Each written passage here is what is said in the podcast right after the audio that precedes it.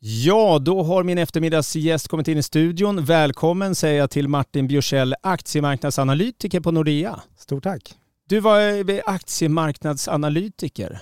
Hur blir man det? Ja, det är en bra fråga. Men man, jag antar att man är, man är väl i grunden väldigt intresserad av aktiemarknaden. Mm. Eh, och det har jag varit och är fortsatt. Eh, det är en spännande marknad eh, som där det händer saker i stort sett hela tiden. Ja, kanske framför allt nu, alltså, när vi är inne liksom i en lågkonjunktur. Hur är det på aktiemarknaden?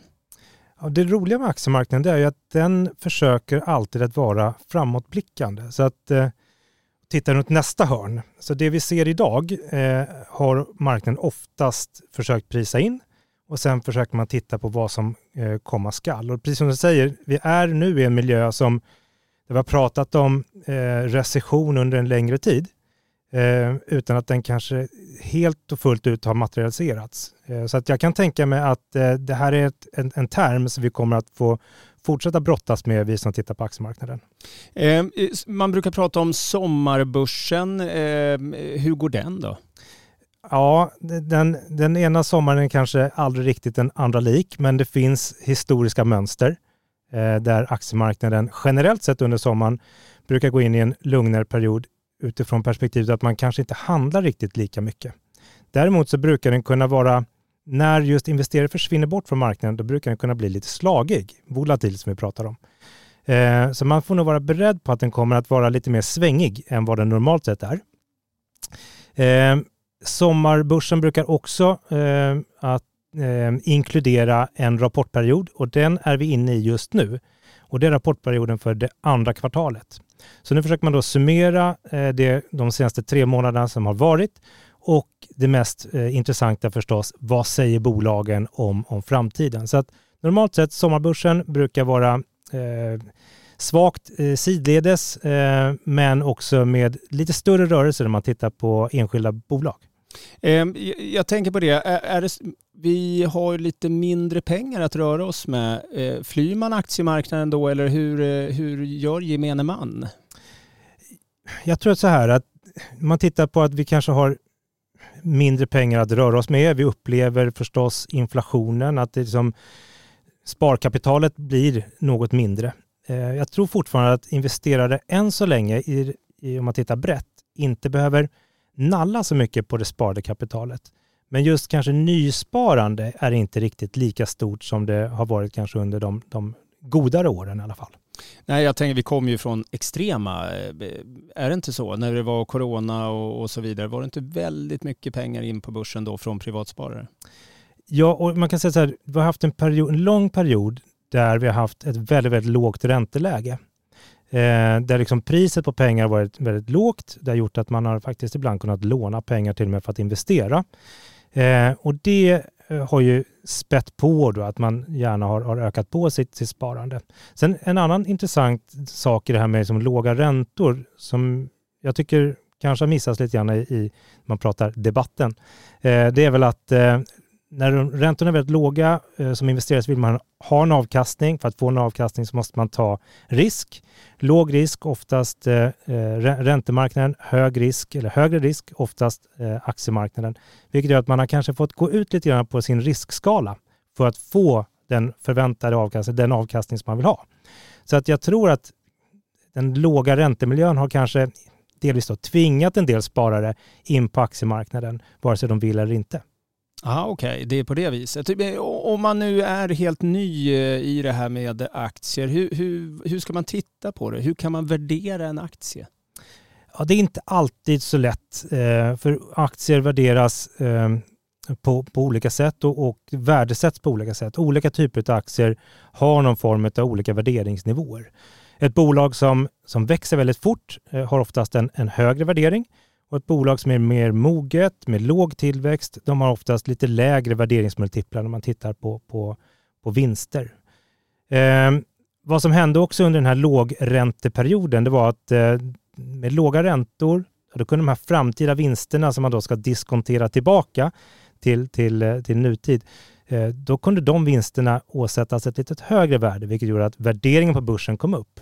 Nu när eh, Räntemiljön är lite annorlunda. Har vi sett att värderingen på marknaden har kommit ner. Eh, och i dagsläget så är faktiskt börsen ungefär värderad i linje med hur det har sett ut de senaste tio åren. Eh, om man, eh, som sagt, nu pratar vi det att gå in i något. Ska man ta säkra bolag eller finns det säkra bolag? Pratar, nu pratar jag då stora, Investor och så vidare. Ja, Investor är ett ganska bra exempel för säkra bolag, det finns egentligen inte. Utan eh, aktiemarknaden är jätteintressant och över tid så är aktiemarknaden väldigt, en bra investeringsplats. Men eh, väljer man ett bolag, ja då har man fortfarande kvar den här bolagsspecifika risken. Eh, Investor är ett, ett, bra alternativ just till det i och med att det består av flera bolag. Investor är storägare i SE-banken, i Atlas Copco med flera med flera. Och det gör att då får man en, en riskspridning bara genom den aktien eller det bolaget.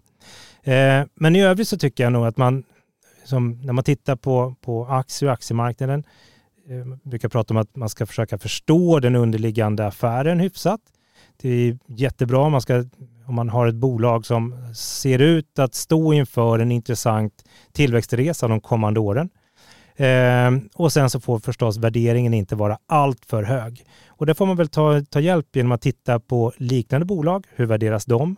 Eh, och eh, kanske titta på andra typer av bolag. Men det man kan säga som faktiskt har hänt i den här miljön när det är osäkert, det är att kategorin bolag som, man brukar prata om kvalitetsbolag, bolag som har en högre avkastning på sysselsatt kapital, mer stabila eh, marginaler över tid och som kanske också har en, en väldigt stark marknadsposition de har klarat sig lite bättre, för de har normalt sett lite bättre förutsägbarhet än, än andra bolag i den här miljön. Så det du säger egentligen är att eh, lägg inte alla ägg i samma korg utan dela upp det. Eh, ska man också tänka på olika branscher? Absolut. Eh, jag tycker liksom, precis som du säger, att inte stoppa eh, alla ägg i samma korg. Det, för mig så innebär det att man också måste titta på olika branscher. Så att man inte väljer liksom tre bolag utav samma typ, samma karaktär.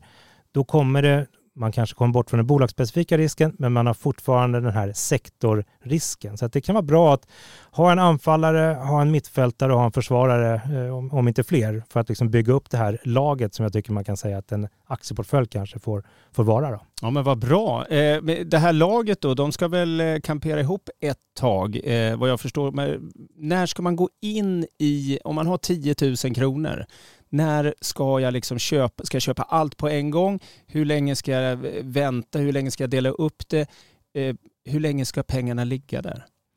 Också en jättebra fråga och svår att liksom svara på så specifikt. Men jag skulle säga att normalt sett så när man investerar i aktier bör man ha ett ganska långt investeringsperspektiv. Så att man bör inte titta på vad som väntas inom en månad eller för den delen inom ett år, utan man bör ha en längre investeringshorisont. Eh, lång investeringshorisont i, i, mina ögon, det är någonstans liksom eh, två år eller mer. Eh, och då tycker jag liksom att då är aktiemarknaden ett ganska intressant alternativ till andra investeringsmiljöer eh, eller, eller tillgångslag. Eh, så det är, eh, säger du också samtidigt att det är pengar du inte ska behöva under den här perioden, utan det ska, liksom, det ska vara de här extra pengarna? Ja, det tycker jag absolut. Man ska inte känna att eh, nästa månad så ska jag eventuellt köpa en bil, jag kommer behöva de här pengarna. Då är aktiemarknaden inte rätt, rätt ställe att vara på. Vad påverkas eh, den svenska börsen av? Eh, för jag menar, vi har ju internationella företag som ligger på svenska börsen. Eh, hur mycket styrs vi av USA, Rysslandkriget och så vidare? Ja, men egentligen väldigt, väldigt mycket ska jag säga. Som du säger, väldigt många av våra bolag på Stockholmsbörsen, framförallt de stora, är globala, internationella. Så de påverkas mycket av den, den globala makromiljön och det är därför som jag tror att just global makro, vad som händer i USA eller vad som händer i Kina, det är intressant för investerare och det är jätteviktigt för börsen. Sen finns det definitivt bolag som är mer lokala eh, och som kanske har en, en, en, mer lokal exponering, men de är ganska få normalt sett eh, något mindre också. När man tittar på marknads, marknadsandelar eh, när eh, bolag annonserar så kanske man blir supersugen på Facebook eller eh, Apple. Lite svårt att köpa på den svenska marknaden. Hur tycker du att man ska titta sig runt om på internationella börser? Jag tycker, precis som du säger, det, vi kan hitta mycket intressanta bolag på Stockholmsbörsen och så vill man liksom leta bolag så kan man hitta mycket där.